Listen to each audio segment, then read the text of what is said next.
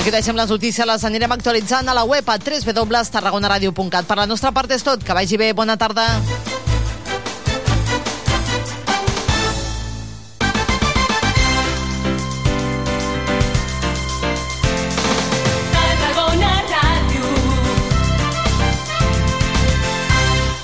Desperta el teu talent amb els cicles de grau superior de les Escoles d'Art i Disseny de la Diputació a Tarragona i Reus. Preinscriu-te pel curs 2023-2024 del 26 de maig a l'1 de juny i forma el teu futur professional a prop de casa. Més info a dipta.cat barra estudiar art i disseny. Moll de Costa, la Rambla de la Cultura a la vora del mar. Vine i passeja per l'eix de la cultura, del lleure i de l'esport al Port de Tarragona. Hi trobaràs museus, exposicions, teatre, activitats, espais per passejar i fer esport. Completa la teva visita amb un tas de la gastronomia marinera del Serrallo. Més informació a porttarragona.cat. Emprendre és obrir-te camí. És fer créixer el teu projecte. És innovar per millorar. Tornen els Premis Emprèn de la Diputació de Tarragona amb 43.000 euros en premis per impulsar fins a 22 projectes empresarials. Presenta el teu abans del 2 de juny. Més info a dipta.cat barra empren barra premis. Diputació de Tarragona. Avança't a l'estiu i reserva l'estada a l'hotel de Meridian Ra. O gaudeix ara dels restaurants davant del mar, de la brisa marina al Beach Club i de la relaxació a l'Explore Spa. No ho deixis escapar i truca al 977 69 42 00 o visita la nostra pàgina web lemeridianra.es. T'hi esperem a l'hotel Le Meridian Ra, al passeig marítim del Vendrell. Desperta el teu talent amb els cicles de grau superior de les Escoles d'Art i Disseny de la Diputació a Tarragona i Reus. Preinscriu-te pel curs 2023-2024 del 26 de maig a l'1 de juny i forma el teu futur professional a prop de casa. Més info a dipta.cat barra estudiar art i disseny.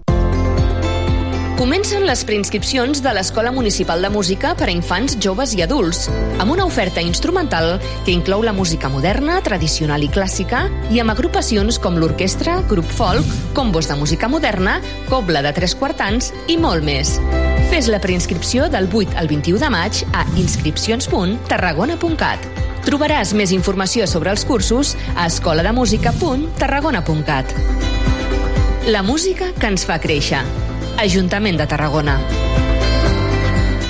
El 28 de maig corre la onzena carrera solidària Fan Run de la Fundació PortAventura. 5 i 10 quilòmetres per dins de PortAventura Park. Carreres infantils, zumba i moltes sorpreses. Els beneficis es destinaran a la Fundació Catalana d'Ela Miquel Valls i Swing Forela. Apunta-t'hi abans del 25 de maig a fanrunportaventura.com.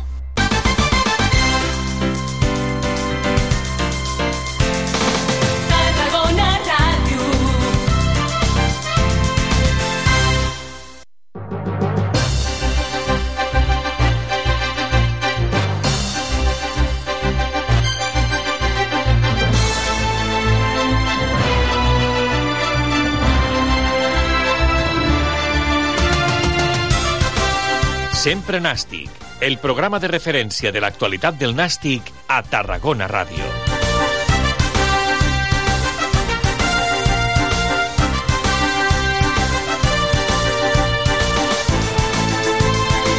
Hola, què tal? Bona tarda, com esteu? Benvinguts a una nova edició del Sempre Nàstic en aquesta trentena temporada del programa L'Antena de Tarragona Ràdio. Això va arribant pràcticament ja al seu punt i final. Avui fem l'edició número 7.245 del programa corresponent a aquest dilluns 15 de, mar de maig del 2023. Un dilluns que hem de parlar que el Nàstic ha aconseguit de forma virtual almenys la permanència a la categoria. No és encara matemàtic, però els tres punts sumats aquest diumenge davant del Cornellà per un gol a zero els deixa gairebé salvats. El gol matiner d'Àlex Quintanilla al minut 2 de partit fa que els grans assumin ja 49 punts, 6 més que les places de descens, queden per endavant 6 punts en joc. El Nàstic li hauria d'anar tot molt malament, ell ho hauria de fer molt malament, però també li hauria d'anar molt malament perquè no s'acabés salvant amb aquests eh, bé, 46 punts, que 49 punts que té, que si en fa un mes seria 50, que per cert és una puntuació alta, eh, pel que és la categoria. Eh? L'any passat, eh, amb 46 punts, alguns clubs ja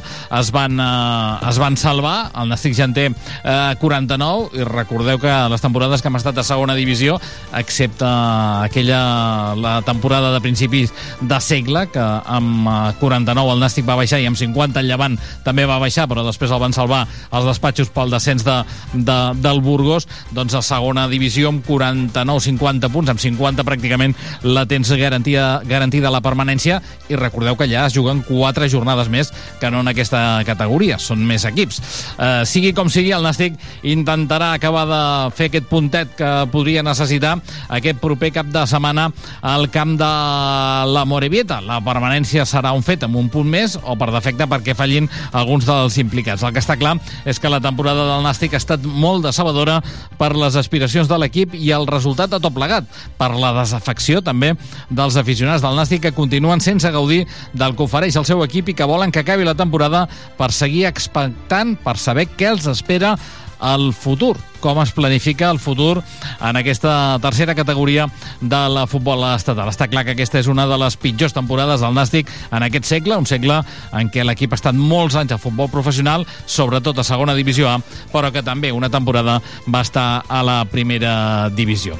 Tot això en aquesta jornada de dilluns, com dèiem abans, dilluns 15 de maig, un dilluns més que li posem notes a la jornada, per tant arriba el moment de conèixer el semàfor verd i el semàfor vermell.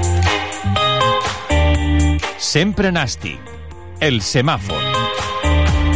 I comencem pel verd, pel gol que ahir va donar la victòria al Nàstic, el gol d'Àlex Quintanilla, matiner, minut dos de partit i el Nàstic va marcar i a partir d'aquí el Nàstic va aguantar bé, els 88 minuts restants més els 3 més que hi va haver d'afegit, o 4 eh, de partit. El Nàstic d'aquesta forma aconseguia la permanència virtual a la categoria, guanyant el Cornellà per un gol a 0 i que deixa pràcticament l'equip salvat. El golejador del Nàstic, el Bas Quintanilla, deia que tot i que la permanència encara no és matemàtica, sí que és virtual i que, bé, en tot cas, caldria fer un darrer punt. Apunta que aquest dissabte a Morevieta l'equip pot anar a puntuar. Eh, todavía no es matemática, por los resultados que se han dado, pero sí que es un paso pues, no definitivo, pero casi. Y ahora, pues bueno, tenemos que buscar ese último punto en la próxima semana, así que ya preparar el partido desde el próximo entrenamiento, el martes, y, y a pensar en seguir.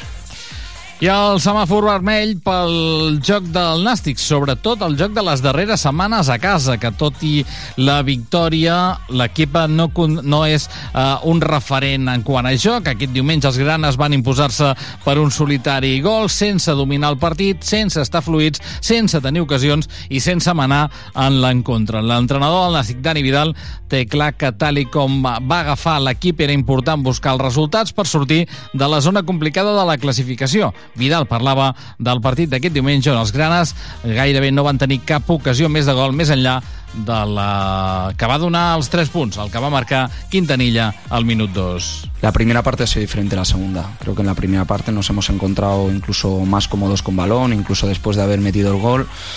Pero como te digo, eh, me pongo la piel de los futbolistas y lo entiendes. En la segunda parte des, ese paso atrás, que no quieras arriesgar, conoces eh, bastante el rival, pero sí que es cierto que, como todos los partidos, Pedro, hay cosas que, que mejorar, eh, cosas que se han hecho bien, el equipo ha sabido sufrir, volvemos a recordar que era una de las asignaturas pendientes en el primer tramo de temporada, si el equipo seguramente tuviera este espíritu eh, competitivo durante todo el año, pues eh, aquellos partidos que nos hemos puesto por delante en el marcador, pues podríamos tener algún punto más. Bueno, doncs això és el que deia Dani Vidal després d'aquesta victòria del Nàstic davant de la Unió Esportiva eh, Cornellà. Tot això en aquesta edició del Sempre Nàstic que realitza tècnicament el Lluís Comas amb tota la redacció d'Esports de Tarragona Ràdio.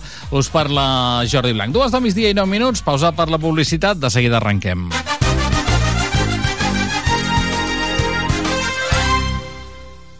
Emprendre és obrir-te camí. És fer créixer el teu projecte. És innovar per millorar. Tornen els Premis Emprèn de la Diputació de Tarragona amb 43.000 euros en premis per impulsar fins a 22 projectes empresarials. Presenta el teu abans del 2 de juny. Més info a dipta.cat barra empren barra premis. Diputació de Tarragona. Si sou una família amb infants d'entre 4 mesos i 3 anys, estigues atenta perquè comencen les preinscripcions a les llars d'infants municipals de Tarragona. Heu de presentar la sol·licitud presencial o telemàtica a la llar d'infants escollida entre el 8 i el 19 de maig. Consulteu abans el calendari de cita prèvia. Més informació a tarragona.cat barra educació. Ajuntament de Tarragona. Desperta el teu talent amb els cicles de grau superior de les escoles d'art i disseny de la Diputació a Tarragona i Reus. Preinscriu-te pel curs 2023-2024 del 26 de maig a l'1 de juny i forma el teu futur professional a prop de casa. Més info a dipta.cat barra estudiar art i disseny.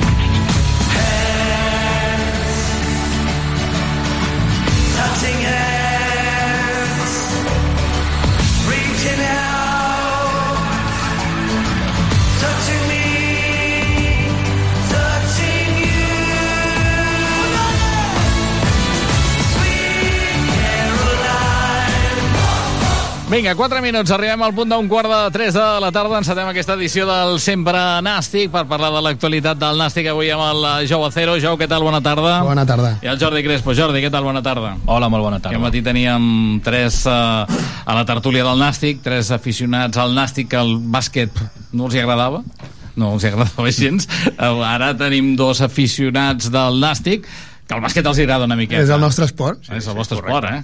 eh? I per tant, bé, avui estem contents per la per l'ascens de l'Iversol Club Bàsquet Tarragona, que l'ha aconseguit aquest eh, cap de setmana, i de retruc també eh, perquè el Nàstic ha donat un pas important, camí de la permanència, que no és matemàtica, que és eh, virtual. Aquest matí un company de la redacció em preguntava, explica'm què és això de virtual perquè no ho acabo d'entendre, no? Se, se sap algun percentatge o no? Eh, bé, és que, clar, hi ha tants equips implicats que és difícil, pu- eh, és difícil calcular-ho, perquè, mira, eh, a veure, la situació ara mateix és que el centre d'esport Sabadell, 49 punts, matemàticament està salvat. Val? perquè el centre d'esport Sabadell eh, li queda jugar contra el Cornellà però amb empats contra Nucía i Atlètic Balears els té, els té guanyats fins i tot triples empats, no? per tant matemàticament està salvat. El Nàstic amb els mateixos 49 punts no està salvat perquè el Nàstic contra els equips de baix no se li han donat massa bé i té contra la Nucía eh, té empatat l'Averaix, contra el Cornellà té empatat l'Averaix, però contra eh, l'Atlètic Balears el té perdut. I a més a més, entre, amb la Nucía i amb el Cornellà, eh, els gols a favor, gols en contra, el Nàstic sortiria perdedor d'aquesta equació també, per tant, però bé, jo crec que n'hem de mirar... un punt, vamos. Sí, però jo crec que tampoc n'hem de mirar els tres de baix, eh? Vull dir, després hem d'anar a mirar més, amunt, eh? Perquè aquí hi ha molts equips implicats, hi ha fins a 8 equips implicats, perquè darrere del Nàstic hi ha l'Alcoyano 47, l'Intercity 46, Numància 46, Real Unión 44, el Cornellà que estaria fora en 43, més els dos que estan en descens també en 43, la Nucia i l'Atlètic Balears, i a més a més en aquestes dues darreres jornades, en la propera no, no hi han duels directes, però hi ha partits complicats. Sí, bueno, també, també tenia eh? L'Intercity un partit molt complicat, eh? Clar, I va guanyar el Barça que, que, eh? però, per exemple, aquesta setmana la Nucia rep el Barça Atlètic. El Barça Atlètic, com faci el tonto, es queda sense, sense playoff. L'Alcoyano rep el Múrcia. El Múrcia s'està jugant al playoff. Eh, el Nàstic no ho té gens fàcil, eh, perquè va a Morevieta, que ahir la Morevieta, minut de 82 de partit, estava amb el peu, bueno, amb els dos peus a segona divisió, perquè matemàticament era equip de segona divisió, i en els últims instants del partit eh, va encaixar un gol, i això fa que, que no estés ara a segona divisió, i que per tant s'ho jugarà bé amb el Nàstic, que es jugarà el primer, el primer matchball, no?, aquest dissabte, Uh, el Real Unión d'Irún visita el camp del Castelló. A Castelló té el playoff però ja sabeu que eh, és important quedar eh, més amunt o més avall perquè si no tens, ara que és partit d'anada i tornada perds el factor, eh, el factor camp. I aquesta jornada seria així eh, perquè els, la, la resta, els que n'anomeno ho tenen, ho tenen més aviat bé. I després en la darrera jornada hi ha, hi ha partits creuats eh? Numància, Cornellà, Real Unión la, la Nucia i esperem que el Nàstic Alcoyano no tingui cap mena d'importància, almenys pel Nàstic. Amb, amb la qual si no arribem a guanyar ahir, fenya rai, eh? No, no, clar, clar, no, la clau, jo és que crec que la clau era ahir, eh? La clau era ahir. Què, com ho veiem, això, Jordi? Bé, la clau era ahir, sens dubte, es va guanyar. Ja està. Jo crec que va ser l'última tertúlia que vaig venir, ja vaig dir que no em pensava preocupar per, per la permanència, que no, no, no, no, no puc, no, no ho puc assumir, no, no Però entra. per què? Perquè la veies que, la perma que no perquè, haurien de patir perquè, per la perquè permanència? conceptualment no puc assumir que el Nàstic estigui patint per la permanència, sent l'entitat que és, tenint el pressupost que té, tenint l'equip que té. Llavors, és que crec que hi ha equips que estan molt pitjor. I, i sí que és cert que des d'aquell dia en, av- en avui la situació s'ha complicat molt més i ara sembla que ha millorat bastant més però que estiguem fent números em sembla molt fort. Em sembla que requereix una reflexió important. Sí, sí, totalment. Vull dir, jo ja m'imaginava i jo ahir no vaig poder anar perquè tenia partit de ma filla i el primer són els fills, però bueno, vaig estar seguint per vosaltres i per Esports 3 al mòbil i bueno, i, i tu, torno a reincidir amb que aviam si fan fora el comentarista Gonzalvo en fi, és igual. Perquè, bueno, jugades i comentaris però tornem a, a lo sèrio vull dir, és que jo m'imaginava ahir un, un, un, una invasió de camp celebrant la permanència i com, el, com diu el company Crespo és que, que celebrem la permanència vull dir, és, clar, ahir mateix l'equip d'aquí a prop va pujar a tercera ref vull dir, clar, és que cada un té que estar on té que Estàs estar parlant del club de futbol Reus Sí, sí, sí, eh? sí, sí. No sé si primer va Redis eh, i després Reus o primer Reus i després Redis. bueno, va, però- va pujar a tercera Sí, sí. ref, no? I, i amb la qual clar, és que i eh, segurament l'any que ve pot pujar a segona ref i, i, el, i el, seu, el joc de Reus seria entre segona i primera ref i el lloc de Glàstic té que ser segona llavors celebrem el que toqui no, no la, la permanència a, a primera ref Jo crec que eh, el fet de que el Nàstic marqués aviat, al minut 2, no? tinguéssim que aguantar 80 i tants minuts amb aquell eh, 1 a 0, perquè a més a més tampoc no vam tenir més ocasions, vull dir, el partit allà es va acabar. Eh, el Cornellà en va tenir alguna més, i, I tant, i sobretot tant. a la segona part ens va dominar moltíssim. I- Digues que també poc efectius, eh? Si vas a i els buscar. minuts finals pujant al porter Sí. i amb l'Àlex López que va sortir com un llop perquè és el jugador nostre jo vaig patir eh? Eh, però amb tot això plegat, no sé, també jo crec que és bé, fruit d'aquests 4.200 que hi havia ahir, aquesta desafecció que a poc a poc hi ha, que no sé si va funcionar el- l'anunci per megafonia o que va sortir la vídeo, el videomarcador de que la gent no saltés i no va saltar, però bé, aquí, Ah, aquí ah, ah, han ah, viscut temporades de salvació. a, a Cornellà al Prat i a- també van dir que no saltessin No, eh? ja, ja, però, No, i- però, i el però camp- són contextos diferents, no? sé, no, però i al camp del Nàstic també s'ha dit cada any i s'ha I saltat s'ha saltat, Sí. per això, i per Vull celebrar dir, el mateix, eh, la eh, permanència no, de la correcte. categoria. Vull dir, jo crec que la gent ja...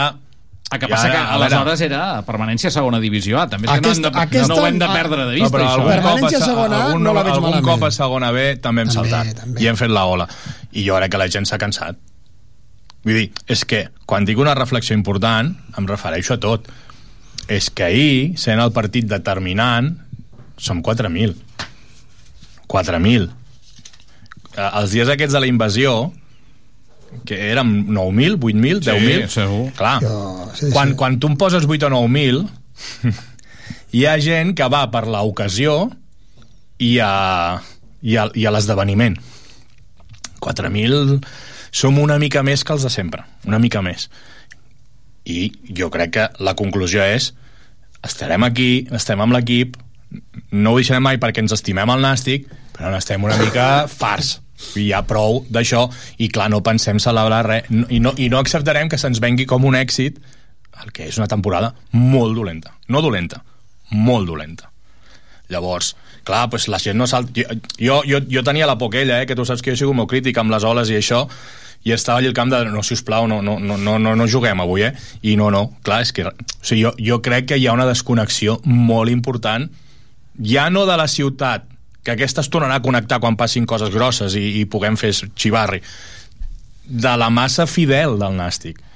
Hòstia, és que el club està perdent valor en, en molts sentits i el que més hauríem de mimar és, és aquesta massa social, eh? és aquest aficionat de, de sentiment grana.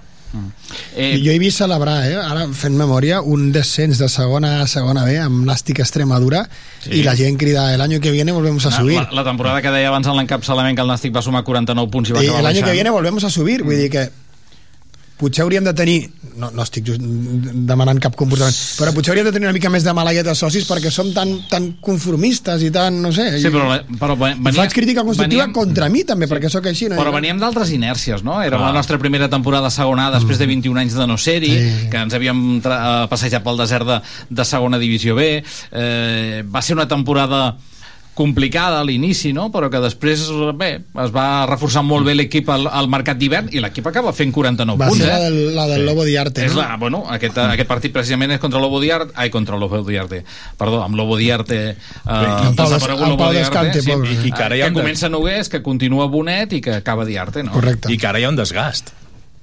Vull dir, en aquell moment, ostres, estar a segona A érem, era un privilegi érem els somiat. més- érem els més guapos de Érem- tots. Correcte. Sí, sí. Llavors baixes i dius, bueno, doncs podia passar, ja hi tornarem. Però ara, primer, que, que no és segona que és primera fe- federació, i després quants anys portem sentint farem un projecte ambiciós, l'objectiu és quedar que és que a més allò que dius va, ja aprenem-nos la lliçó i, i no marquem com objectiu al primer lloc.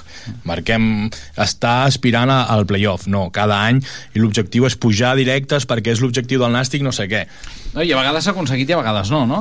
Eh, el que passa que tu ara, ara, ara ho mires amb, amb perspectiva de, de, de fa un any, no? On érem, en aquesta recta final, que guanyàvem els partits i que, i que vam anar a Vigo, i ara que ha passat tota la temporada te'n dones compte que allò que ens va passar a Llagostera ho vam saber transformar en positiu i va, ens va donar benzina per acabar amb una temporada en què l'objectiu era el mateix, eh? tota la temporada es va dir s'ha d'acabar primer, s'ha d'acabar primer, s'ha d'acabar primer, i l'equip va acabar primers, va ser el campió del grup tercer de segona divisió Don B i va pujar eh? al playoff per la via ràpida amb el playoff de, de, de campions, no? I en canvi, aquesta temporada no s'ha sapigut transformar en benzina el que ens va passar a Vigo que més o menys, eh, vull dir, hi ha uns aspectes per, mm. per un costat i uns altres aspectes per l'altre que es poden ser diferents, però que en definitiva és el mateix, no? Vull dir, No, no, mira, és una reflexió que jo no havia fet i tens tota la raó. El dia de Llagostera ens van cabritar, vam arrencar la temporada molt forts, vinga, vinga, nàstic, no sé què, tal. Va haver una continuïtat amb el millor entrenador segurament des de que jo tinc consciència que hem tingut amb diferència que és Vicente Moreno que jo no l'haguessi fet fora i potser encara estaria entrenant al nàstic que no hem tingut paciència, això és veritat, és una assignatura hi- hiper mega pendent, tindre paciència amb els entrenadors i jo em quedo amb lo positiu d'aquest any que salvarem és la, amb l'alternativa de Vidal que crec que evidentment hauria de ser l'entrenador l'any que ve del primer Tu equip. renovaries a Dani I Vidal? tant, Ho dic perquè és la pregunta que hi formulàvem al Sempre Nàstic i vaig veure la gent com una mica de, No, home, dividida, no, eh? escolta'm, eh, l'hem tingut, l'hem madurat, l'hem criat, cadete, juvenil, la Pobla, segon de l'Acne, que tampoc haguessi fet fora l'Acne, però ja se'l va fer fora, donem-li l'oportunitat, escolta'm. Sí, a, mi, a, mi, a mi ahir em va, em va estranyar el que passa que clar, després analitzes els partits i també acabes d'entendre una mica la gent que diu que, diu que no eh? perquè eh, ara després d'aquestes dues victòries que ha aconseguit altra vegada de forma consecutives eh, la seva mitjana ha tornat a pujar a 63 era una mitjana per fer playoff perquè crec que així acabes, si ho prolongues a tota la temporada 68-69 punts però clar, ell també ha arribat en un moment complicat on jo crec que el que se li demanava eren punts i la forma d'aconseguir punts potser és un partit com ahir, no? Marques, El gran tanques, error- el gran tres error- punts i ho aguanto com sigui fins al El gra- final i no risco gens. Sí, sí. El gran error va ser el KitKat de l'Alonso. Vull dir, aquest va ser el gran error, aquests partits que es van llançar. no, la taula també està dividida la taula també està no, dividida. la taula també està dividida jo no el renovaria primer perquè a mi no m'agrada com ha arribat al càrrec i a mi això em pesa molt aquesta és una i la segona és bueno, no el renovaria, a veure si l'objectiu del Nàstic és fer un equip amb la gent de la casa per estalviar pressupost, recuperar-nos econòmicament i mantenir la categoria, renovem-lo. Però si som un equip amb aspiracions, jo no estic un any tornant a veure aquest futbol d'un gol i tots darrere i no proposem res i no juguem a res. Eh, Ja prou. A a- amb l'1 a 0 amb Luis César van pujar a primera i amb l'1 a 0 Xavi Hernández acaba de guanyar una lliga amb el Barça. Al final no se'n recordem de que els que són furofos sí però que de la campió de Liga al Barça ascenso a primera a Nàstic. Vull dir, si hem de pujar a segona guanyant 1 a 0 tots els partits porta el boli que te firmo. Clar, és que... Jo, jo també, eh? Ja, Però dir- jo crec, jo crec que jugant així no pujarem a Però segona. aquí portarem un, un, un, un mega crack com aquest que, que van portar. Jo l'únic tio, l'únic tio que em faria trempera, i ho dic aquí públicament, i alguna vegada t'ho he dit a tu, seria l'Abel Boades portar-lo d'entrenador, perquè a més a més és un ex de la casa. Però tot el de més, i a més està bé un tio format a la casa, no? També ja està bé, no? Lo, lo de formar jugadors també s'han de formar entrenadors, i aquest entrenador l'ha format, el Nàstic. Doncs donem-li l'alternativa, que comenci la temporada, que faci la pretemporada, que faci els fitxatges ell, i ja veurem com evoluciona. Si no ha de ser ell i fos l'Abel Boades, mira, però si hem de portar algun tio de fora, escolta'm, El que passa que jo crec que ara hem arribat a aquell punt que, que dius... Bueno, i què hem de fer? cap on hem de mirar, què hem de ser, no? Aquest és la gran... Clar, el, és que, que- el que deia el Jordi també també té raó, perquè, Què, clar... què, què diu el suec? Eh, Bé, m'agradaria saber-ho, eh? M'agradaria saber-ho, però de moment, bé, més enllà de, de fer un nàstic de Zidanes i Pavones, ja no hi ha Bueno, bueno, bueno, res pues més. igual ja- dir, ja actua ara. Igual però esperat que acabi la temporada. No, clar, jo crec que això és lo lògic. Sí, jo crec que normal. també... El Webster, el Webster. Però mira, d'avui en dues setmanes podem fer ja aquesta tertúlia havent acabat la temporada i per tant jo crec que a partir d'allí s'han de moure fitxes perquè els projectes no es fan d'un dia per l'altre i això no s'atura, eh? perquè eh, estarem a finals de maig, arribarà el mes de juny i cap al 14-15 de juliol l'equip s'ha de posar en marxa perquè la tercera setmana d'agost arrenca la temporada, no? Per tant, jo crec que... Eh, però, clar, el Nàstic hauria de, de saber també eh, què vol ser. Jo crec que en aquesta categoria ja sé que ara tothom dirà no, però és que potser eh, prenem aire, prenem-nos en tranquil·litat, anem a mantenir la categoria com deia abans el Jordi. Home, jo crec que en aquesta categoria el Nàstic a primera federació, que no ens oblidem que no deix de ser la segona B d'abans, amb menys equips, amb més noms i tot el que vosaltres vulgueu, però és, continua sent la tercera categoria del futbol, vull dir allò quan es va transformar la segona B en primera ref, allò de l'ascens, no, no hi ha cap ascens. Allà, els que no van entrar a primera ref, el que van patir va ser un descens.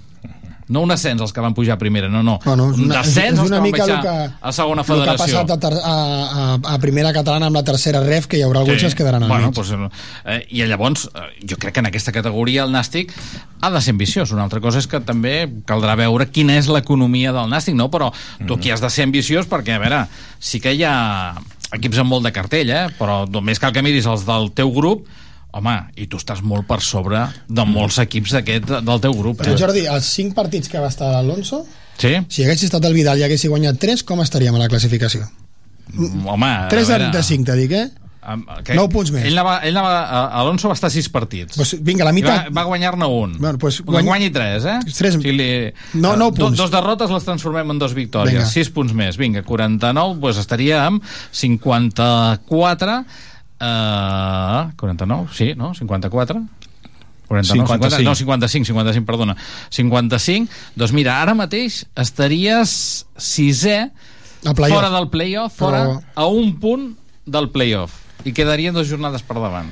Ja, però això és molt fàcil. No, ja, però... El, No, el, i, i, si, I si no haguéssim fot fora Sí. l'Agne, doncs potser Pues estaríem amb tam- 64. També, Sí, sí, també, sí, sí, eh? sí, ja ho he dit abans, que jo no l'hagués fet No, fora. no, jo tampoc, jo tampoc. Jo no l'hagués fet I fora. menys veient tot el que ha passat després. Vull Clar. dir, si tu, que estàs allí, saps que el vestuari tindrà la caiguda anímica que va tenir, que hi hauria tots els moviments que hi va haver, doncs no, no toquis res. Acaba la no toca, temporada, acaba la correcte. temporada i pren les decisions que hagis de prendre. No, no, totalment d'acord.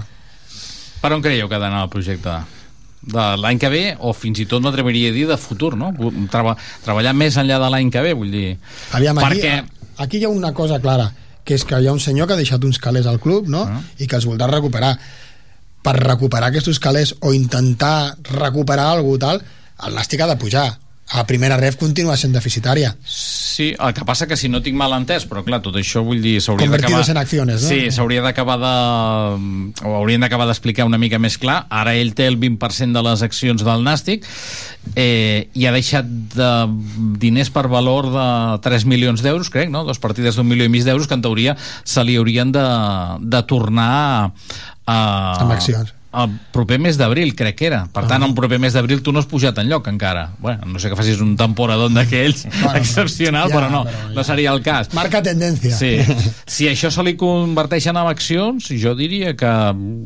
Bé, el que passa que amb això un dia li van preguntar al director general Lluís Fàbregas si aquests diners que ha deixat se li converteixen en accions és l'accionista majoritari. Però, ja, espera, però quan això s'hagi de convertir en accions voldrà dir que es fa una ampliació de capital i per tant els socis o els accionistes de referència també poden anar en aquesta ampliació de capital i per tant en aquest cas no seria el soci de, o l'accionista eh, majoritari, però bé, per allí estaria, eh? Per tant, és sí. important que parli Freddy Western, eh? Molt, molt. Sí, sí. Jo, jo crec que el desgast que deia abans que tenia l'aficionat i, i la massa social del Nàstic també el té el Consell d'Administració. Aquí, puguent ser crítics, jo he sigut crític, sempre hem d'agrair l'esforç econòmic que han fet. Vull dir, això, una cosa no treu l'altra. Pots criticar una gestió, pots no estar d'acord, però evidentment hi ha uns moviments que, que s'han de valorar.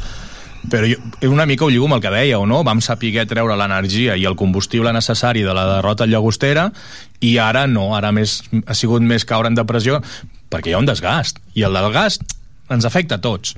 Llavors, hòstia, no ho sé, eh? És una informació que jo no tinc, però no sé si estan molt predisposats a anar a l'ampliació de capital. Per què? Perquè, perquè hi ha un desgast, perquè porten molts anys posant-hi. Llavors, el problema del futur del Nàstic és que té moltes incògnites i, i, i se'ns informa una mica poc. Llavors, què hem de fer? A llarg termini jo sí que tinc clar que hem de fer un projecte que ens acabi tornant al futbol professional. Ha de ser l'any que ve? És que això portem no sé quants anys dient-ho i no ho acabem d'aconseguir. Per tant, potser és estabilitzar el projecte i si és l'any que ve, perfecte, però tenir una projecció una mica més, més enllà, no? de dir, bueno, escolteu, en, X- en X anys hem de tornar al futbol professional. I això ho farem així, amb Cidanis i Pavones, o amb un entrenador de la casa, o fitxant cracs eh, perquè ens ho gastarem tot i, i, i, i tirarem a la ruleta. El que sigui.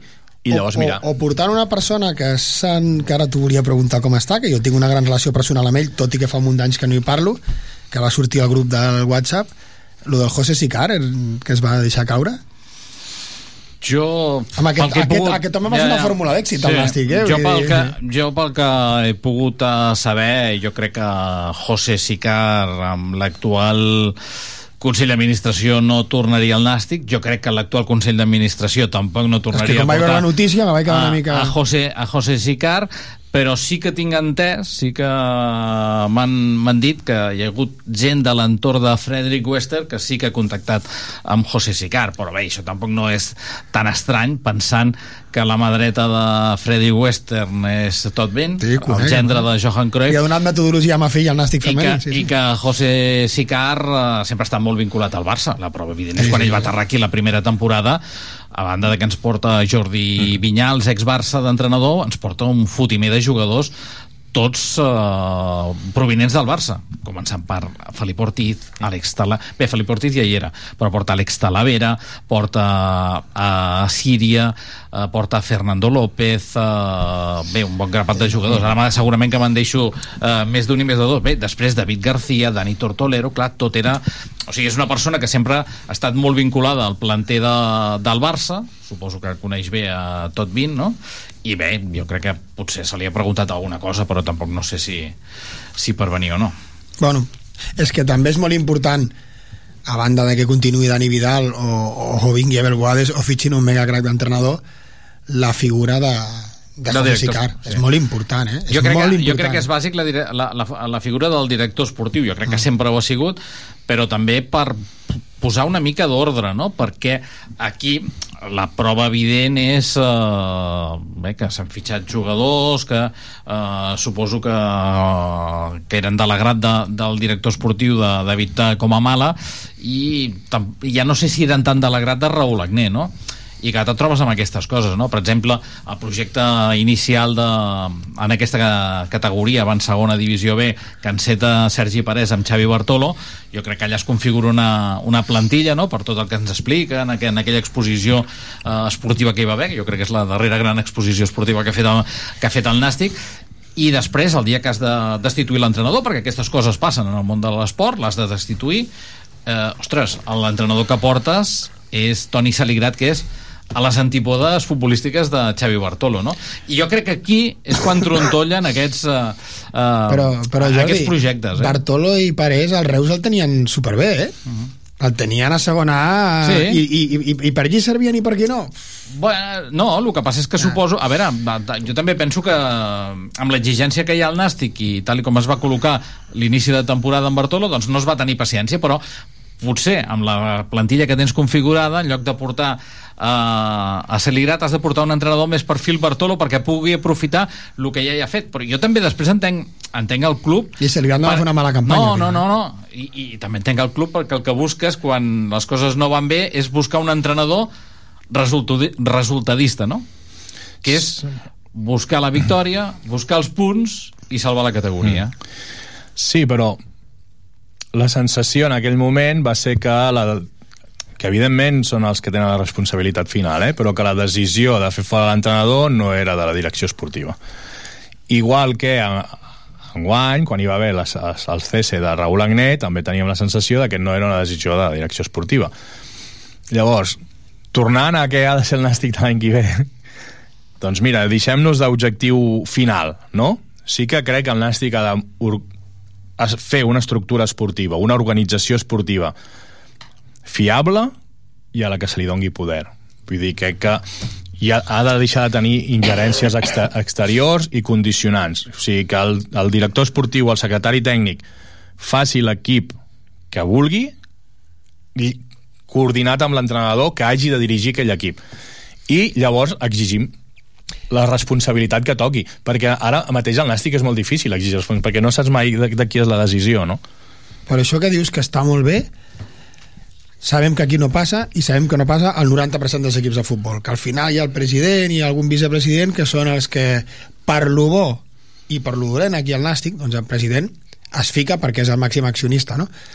i és ell el que mana al final, no? perquè al final els calés són d'ell, no? És que clar, és que a, a, una anècdota, ahir quan va haver la invasió de camp de l'Espanyol, directiva dimissió, no? Jo que tenia l'àudio de la COPE, que està el Minguella, amb aquell català castellà que parla, diu, i quina és la directiva de l'Espanyol? Diu, clar, si és un xino el que mana, vull dir, és que aquí tenim un consell d'administració, clar, és que, que a vegades se troba gent, és que la directiva, dic, no, un moment, un moment, a, a Bonavista em para molta gent, no, el camp, és que la directiva del Nàstic, algun... Diu, si ja no hi ha directiva, això és un consell d'administració, aquí no hi ha sí, eleccions. D'acord, però jo sóc del Consell d'Administració. No? Jo sóc un membre Bueno, del jo tinc Consell cinc accions, eh? No, tengo 0,001. Jo només en tinc una, però... Jo, su- suposem que jo fos...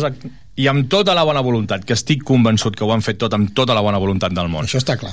I amb la predisposició de, de fer triomfar el Nàstic, jo sóc conscient que porto 5, 6, X anys no en sortint-me'n, doncs des del meu amor al Nàstic, he de dir, anem a provar alguna diferent perquè jo no me'n surto. I jo continuaré dirigint, no sé què, però vaig a buscar algú en qui confiï, perquè això és determinant, hi ha d'haver confiança, i li donaré el poder. I si no funciona, llavors sí que és a dir, escolta'm, no funciones, tio, jo t'he donat tot el marge, doncs s'ha acabat. Vale. Però, però, és allò que dius, ja, però tenen els diners, ja, i també tenen una inversió que s'està devaluant any a any per una gestió errònia. Doncs salvem-ho. T'ho compro també, però tenim, també venim d'aquí d'una molt mala experiència del Javi Salvador. Clar, Clar és que... És que és on volia anar jo. Clar, és jo, que- jo crec que aquesta falta, no sé si de confiança o Vinga, de pre un prenc, la, prenc Sí. jo la darrera decisió és per això, no? Perquè venim d'on venim, dels 8 milions d'euros de... Del Million Dollar Baby, de l'Antonio de, López, de, de del dèficit, Calle, de- i aleshores eh, jo crec que la inexperiència, perquè no, Ja, mai, però- mai, mai vull pensar amb la mala... Eh, amb, amb les persones doncs, que, que ho facin expressament, no? Segur però, que no. Però, però, però penso que la, la, la, la inexperiència de Salvador el va portar amb això, a confiar una sèrie de molt amb, males decisions. amb una persona a la direcció esportiva bé, que, que es va equivocar de cap a peus perquè clar, a veure, el Nàstic era allò com Bienvenido Mr. Marshall eh, que acabàvem de baixar de primera divisió que des dels anys 50 que no hi havíem estat Teníem el fons aquell de Calés. clar, teníem un munt de calés i clar, vam anar a fitxar el davanter més car que hi havia a segona divisió Antonio no? Calle. Antonio Calle ens vam gastar un milió de, Million de, dollar baby, anava a dir eh? de dòlars, de- Sí, no, d'euros que-? Bueno, però, però, Baby. però en el fons el que evidencia és que tri, triem malament les persones en què confiem. Mm, doncs no et posem-hi remei. Sí, sí. És, co- és Posem- complicat, posem- eh? és molt complicat, és molt complicat. Uh, Si aquí a petita escala passa i passa a escala gran, perquè ara hi ha una polèmica molt gran a València, però al final València té un munt d'empresaris de calés i hi ha el Peter Lim, perquè no els empresaris de València han comprat el València, que és un club top, València és un club top mundial, eh? vull dir, ha jugat finals de Champions, mm. i ho té que tindre un tio de fora, és que clar, al final Bueno, aquest, és el, aquest també és el perill que van assumir els clubs de futbol quan es Ah, van convertir correcte. en Correcte. societats anònimes esportives, perquè bueno, hi ha molta gent de calés al voltant del València I no vas a duro. però, però, no, però el que té les accions és Peter Lim i ell no les vol vendre, doncs no les vendrà. El vull que dir. passa que aquí no oblidem que durant molts anys, ara no sé com està la situació, però durant molts anys el 51% de la propietat del club ha sigut municipal.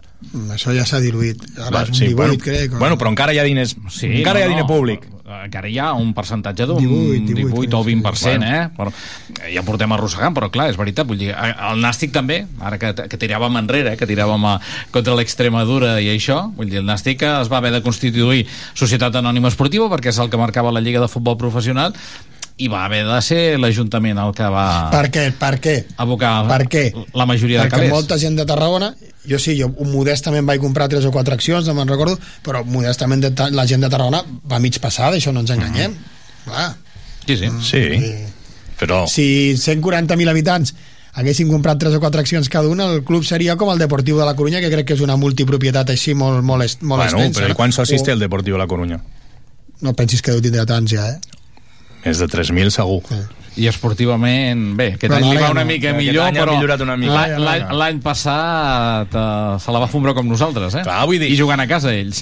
Que, que això, que ho pots bara, ho, ho pots mirar des del punt que justifica les, les decisions actuals, també ho pots mirar que fot un munt d'anys que no hi ha un vincle i fort, no? D'anar al camp quan regalen entrades, sí que hi és però de comprar accions no hi és. No, per què? i- Perquè estem desenganxats. I, i perquè, però, però no i hi perquè és. vivim en un país que tot s'ho menja el Barça i el Madrid. A Anglaterra, el Nàstic de Tarragona tindria 20.000 persones cada partit al camp, tota la ciutat seria soci, tothom aniria amb la samarreta. Aquí, el Barça i el Madrid, m'agradaria saber a mi ahir quanta gent van a veure el Barça espanyol de Tarragona. Igual, 1.000 o 2.000, mínim. Vull dir, clar, Sí, però jo, abans que dèiem... Ja, però hi s'ho menja hi tot, coses el- el Madrid i el Barça, però, eh, tots dos, Però eh? tu que abans deies, tots els clubs tots els clubs tenen un president que intervé, tots els clubs tenen no sé què, i això hem de saber que és així. Doncs et torno l'argument, que hi ha el Barça i el Madrid, és així. I a més I a més tant, això i no ho podem controlar. I afecta a tots els clubs de Catalunya. I n'hi ha que ho fan millor i n'hi ha que ho fan pitjor. O no afecta el Barça i el Madrid al Girona? El, el Girona, el Girona Sí. s'ha sapigut aliar amb, amb, amb un tema del Manchester City I aquí, potser- I aquí sempre ens hem tancat, aquest tipus de... Vale.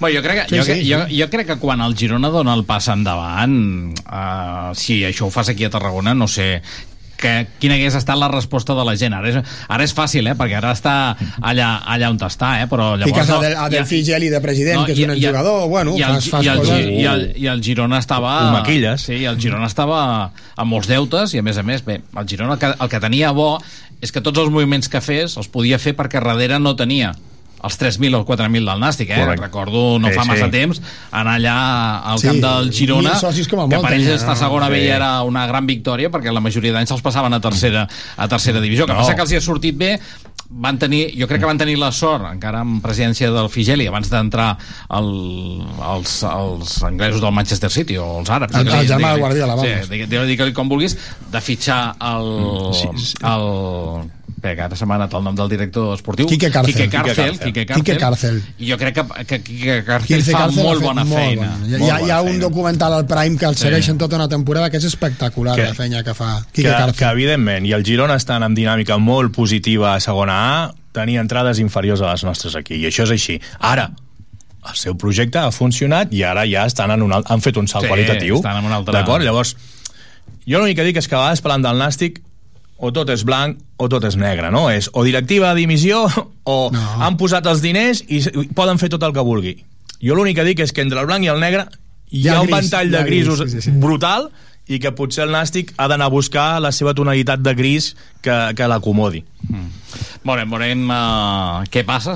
Estarem expectants, no? A veure si a final de Ara, temporada... pu punto número uno, asegurar la salvación. Sí, que punto sí, número tant que dos, sí. que hable Webster. Com, eh, això, eh, el punt número 1, el bec bastant factible, el punt número 2 ja t'ho Bueno, que explicaré. hable, no, que sé, actúe. eh? Ja, però clar, és molt complicat, perquè jo també entenc que ell està en una situació que tots estem esperant que parli, però ell no deu voler posar, passar per davant del, de l'Andreu ni Clar, de ni clar. Ell ja va dir que ell volia intervindre més al És club, que- però la presidència li va Correcte, deixar. per això que entenc que, que no És sortirà que jo crec, que, jo crec que ell es va equivocar greument Ai, eh, per cert, xapó pels aficionats que van aconseguir Mhm. reunir-se amb ells i que els hi expliqués eh? que després va servir també eh, bé, jo crec que el dia abans de reunir-se amb ells va donar l'entrevista del diari de Tarragona que la tenien demanada fa molt de temps nosaltres també estàvem a la cua no sabíem res d'ell però ens van dir vindrà aquí la- a l'esplanada i la Tere va anar allà a l'esplanada i vam arrencar unes quantes, unes quantes eh, paraules però jo crec que s'equivoca greument de només reunir-se amb uns quants socis jo crec que això s'ha de fer d'una forma molt més serenada, molt més tranquil·la molt més pa, pautada no? A mi com a I, so- jo sí. crec que això és el que Però suposo jo- jo- que si, jo- jo si parla serà d'aquesta forma Sí, vale, aquest... jo més m'estimo allò que no sàpiga res d'ell. Almenys se li va ficar cara, Sí, se li sí, va... sí. Bueno. Bueno, Home, ens van quedar tots amb els cidanes i babones correcte, allà algú va pensant. dir, no? És que també era una persona que no... Jo que també valoro molt positivament els que van aconseguir parlar amb ell, a mi com a soci em va saber greu. respostes per uns i pels altres no no em va semblar bé Mm. Veurem, veurem, veurem què passa. Va, ja per anar-ho tancant, eh, com veieu aquestes dues darreres jornades? Anem a, i guanyem a Morevieta? Morevieta no guanyarem. No? Com està la Morevieta a la classificació? No, no, sí, sí. no cal que m'ho expliquis. Pensa que la Morevieta, quan va venir aquí la primera volta, estava en descens, eh? Acabava de baixar de segona divisió i era allò de l'equip que dius, ostres, els equips quan baixen pff, Sí, no, no, no, negativa. li acaben de trobar, quan se'n donen Sí. compte, estan gairebé, en- baixen dos categories de cop, i en canvi, a la segona volta ha estat espectacular, eh? Sí, jo recordo haver pensat exactament això que dius tu. Hòstia, la Morevieta és el típic que baixa dos categories de cop, quasi. Eh, Els dos partits amb certa tranquil·litat, vull dir, jo crec que és virtual, però és bastant així. No sé, si, no sé no, com va no, el tema no et vols veure, no?, contra l'Alcoiano al nou estadi jugant-ho tot? No, no, no, no. Pues- no, perquè és el dia pues- que si, que si ens ho juguem tot allí, llavors sí que hi haurà invasió de camp i farem la bola. pues no, no, jo no. sí que ho veig així. Eh? Permeteu-me que sigui... Mira que sóc optimista, però a la Perquè Morevieta no guanyarem. El tema de la Copa del Rei, el tema de la Copa del Rei crec que són els vuit primers no? a Morevieta, el Dense Castelló el Barça Atlètic no, la Real Societat tampoc espera, un, dos, tres quatre, cinc sis, no, eren, no perdona, eren cinc ara, ara eren cinc Cinc no, no, no, no arribem, sí. de cap manera. Ara eh? mateix seria Morevieta, el Dense, Castelló 3, eh, Múrcia 4, Logroñé Societat Deportiva 5. Eh, tenim per davant el Sabadell, que també podria jugar, i nosaltres, bueno, bé, escolta... Mira, un al·licient. és, a mi és l'únic que em fa il·lusió. Mira que tenim que aprendre tan bona. dels anglesos amb això de la Copa del Rei, eh? Sí, sí. I dels francesos, també.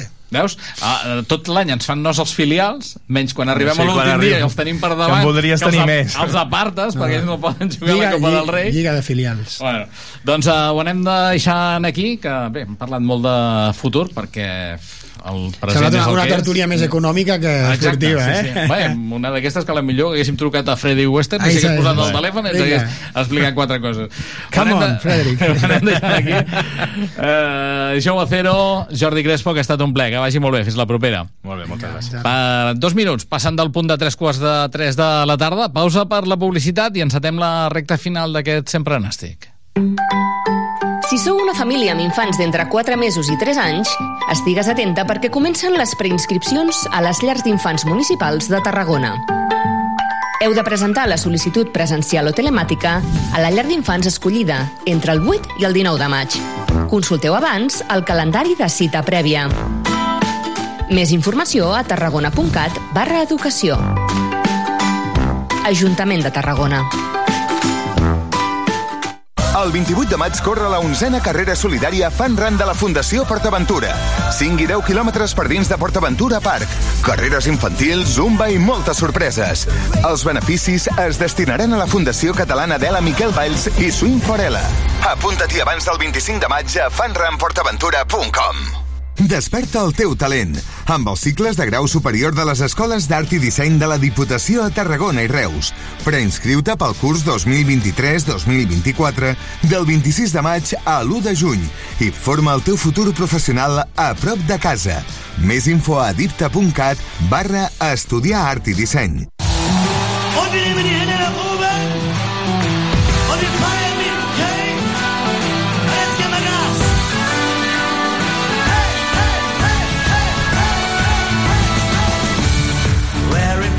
Sempre Nàstic, el programa de ga de la informació del Nàstic. Doncs encetem aquesta recta final d'aquesta edició del Sempre Nàstic. Estem a la recta final del programa d'avui. Estem pràcticament a la recta final també de la temporada del Nàstic i, per tant, d'aquest Sempre Nàstic en la seva trentena temporada a l'antena de Tarragona Ràdio. I avui tanca temporada i també tanca eh, col·laboració amb aquesta casa el, el José Antonio Luaces, un clàssic de les darreres 12 temporades que de forma altruista, setmana rere setmana ens ha portat tot aquell racó estadístic que hem repassat aquí al Sempre Nàstic. A partir d'ara el José Antonio Luaces ens abandona, però sí que ha volgut acomiadar-se de tots nosaltres, de tots vosaltres, de tots els oients de Tarragona Ràdio i, lògicament, mai li podrem agrair la gran tasca i la gran feina que ha fet el José Antonio Luaces al llarg d'aquestes 12 temporades que ha col·laborat setmanalment amb el Sempre Nàstic per apropar-nos al racó estadístic. Per tant, escoltem la darrera sec secció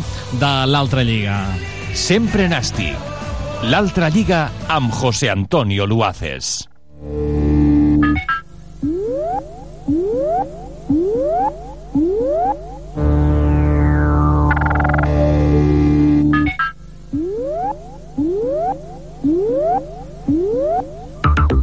Buenos días a todos los radioyentes del Siempre Nastic y aficionados en general. Como algunos ya sabréis, mm, desde el pasado 6 de febrero, la sección del Siempre Nastic, titulada La Altra Liga, dejó de emitirse sin die por razones personales, incluida mi ausencia de Tarragona durante un mes aproximadamente. Una sección que ha permanecido ininterrumpidamente durante las últimas 12 temporadas y que siempre ha contado con vuestra aceptación, generosidad y aprecio hacia mi persona, lo cual me enorgullece y me hace muy feliz y satisfecho de haber prestado este servicio radiofónico ligado con el Nastic durante un tiempo que nunca me hubiera podido imaginar. Han sido unos años en los que hemos vivido juntos momentos de tristeza, pues comenzado, comenzamos nuestra andadura en la temporada 2011-2012, que finalizó con el descenso a Segunda B después de un largo periodo de ocho temporadas en la Liga de Fútbol Profesional, incluida una de ellas en Primera División. Luego vino la alegría de volver a la LFP en la temporada 2014-2015 y finalmente la tristeza de volver de nuevo a Segunda B tras cuatro temporadas decadentes en la División de Plata. Pues bien, ahora ha llegado el momento de informaros del cese definitivo de la mencionada sección de carácter estadístico porque he decidido fijar mi nueva residencia en mi ciudad natal, Puerto Llano, la sede de aquel recordado Calvo Sotelo, equipo que tuvo sus años de gloria allá por la segunda mitad de los años 60, que tuve el honor de representar en varias competiciones y divisiones y que militó durante 11 temporadas en la segunda división. Así pues, eh, solo me queda mostrar mi agradecimiento a todas las personas seguidoras del Siempre Nastic de Tarragona Radio, la emisora referente de la ciudad, a la sección de deportes, encabezada por mi amigo Jordi Blanc y todos sus compañeros que le han acompañado en esta gran aventura de la radio, como han sido y siguen siendo la Tere Ortega, Joan Andreu Pérez y el joven Joan Mercadé, y otros anteriores.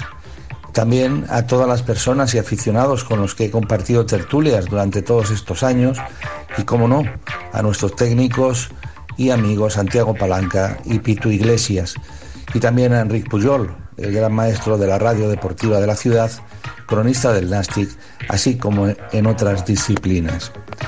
Así que en, la confianza de que el Nastic volverá a la Liga de Fútbol Profesional en un futuro no muy lejano, a todos ellos y por todo lo que me han dado, tanto en lo deportivo como en lo personal, muchas gracias. Visca Tarragona Radio y Visca el Nastic. Siempre os llevaré en mi memoria y en mi corazón. Un fuerte abrazo para todos.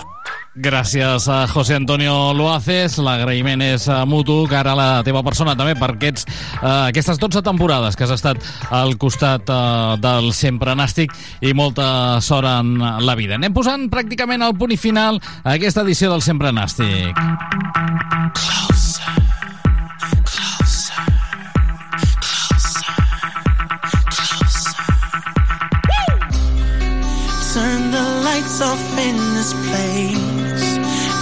She shines just like a star. And I swear I know her face. I just don't know who you are. I ho fem com cada dilluns amb el resum sonor de la darrera victòria del Nàstic, en aquest cas aquesta que virtualment li dona la permanència a la categoria i el Nàstic guanyava per un gol a zero, gol d'Àlex Quintanilla al minut 2 de la primera meitat. Amb ell arribem fins al punt de les 3 de la tarda amb aquest resum musical. Nosaltres tornem amb el Sempre Nàstic, format podcast el dijous a les xarxes socials, divendres a partir de les dues del migdia a la freqüència modulada de Tarragona Ràdio i el proper partit del Nàstic serà dissabte a dos quarts de vuit de la tarda tarda a l'estadi d'Uriche, a Morevieta, davant l'equip local. Allà tindrem una nova cita amb el sempre nàstic. Acabeu de passar una bona tarda de dilluns. Que vagi bé, bona tarda. arrencat el partit al nou estadi a la sintonia de Tarragona Ràdio, la primera pilota que movia que movia el Nàstic, partit importantíssim pels dos equips per intentar mantenir-se en aquesta categoria. Eh? El llançament d'Andy Escudero, pilota passada al segon plat i anava Quintanilla, la pilota morta, Quintanilla, gol, gol, gol, gol.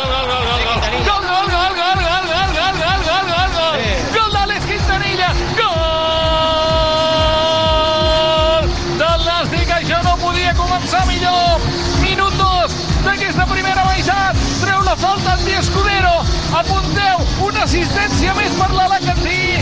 Busca Quintanilla la pilota amb el cap, però no hi acaba arribant, la refusa, la deix morta la defensa. I Quintanilla amb el peu l'acaba posant al fons de la porteria de Lucas Anáquer per avançar el Nàstic, per posar cada vegada més a propet la permanència. Marca el Nàstic, marca Quintanilla, Nàstic 1, Uni Unió Esportiva Cornellà 0.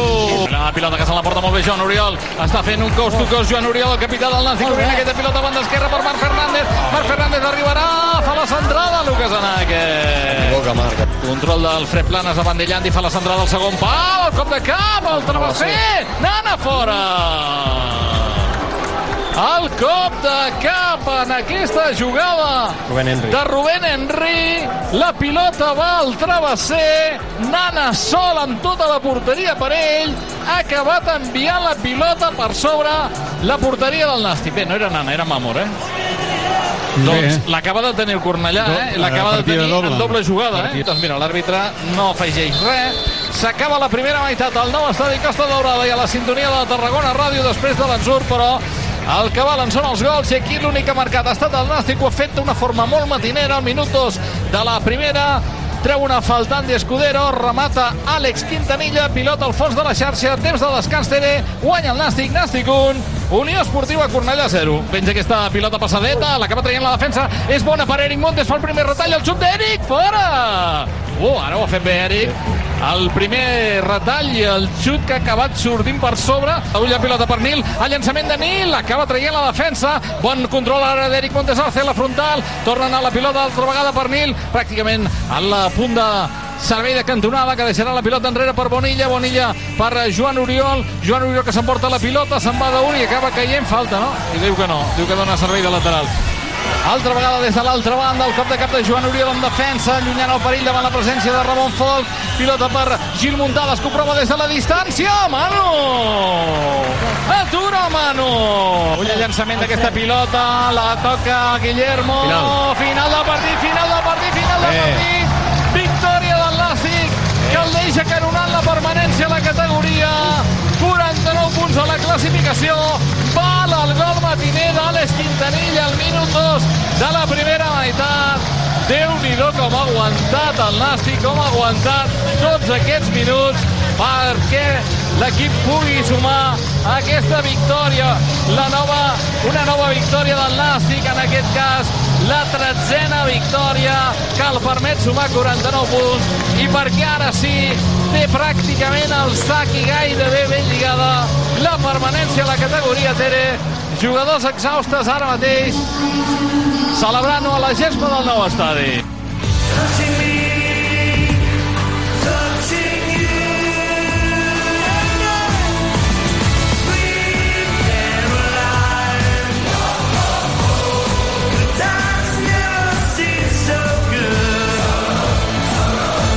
Sempre Nàstic. El regús de la jornada a Tarragona Ràdio.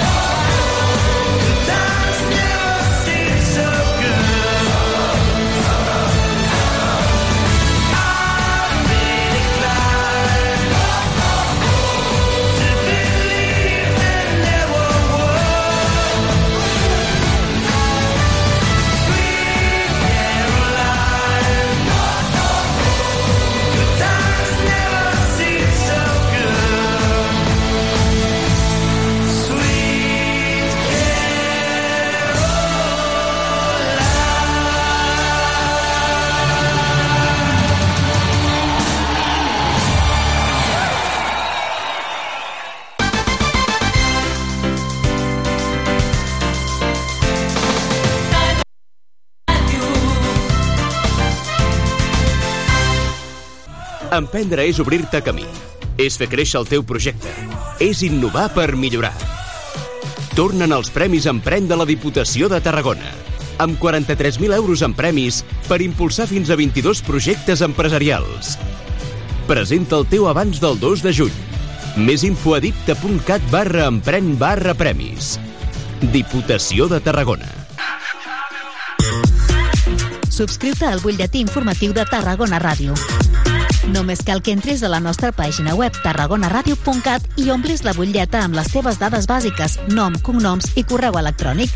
Cada setmana t'enviarem un mail amb les notícies i activitats més destacades de Tarragona. Subscriu-te al butlletí informatiu de Tarragona Ràdio. Et volem a la nostra xarxa.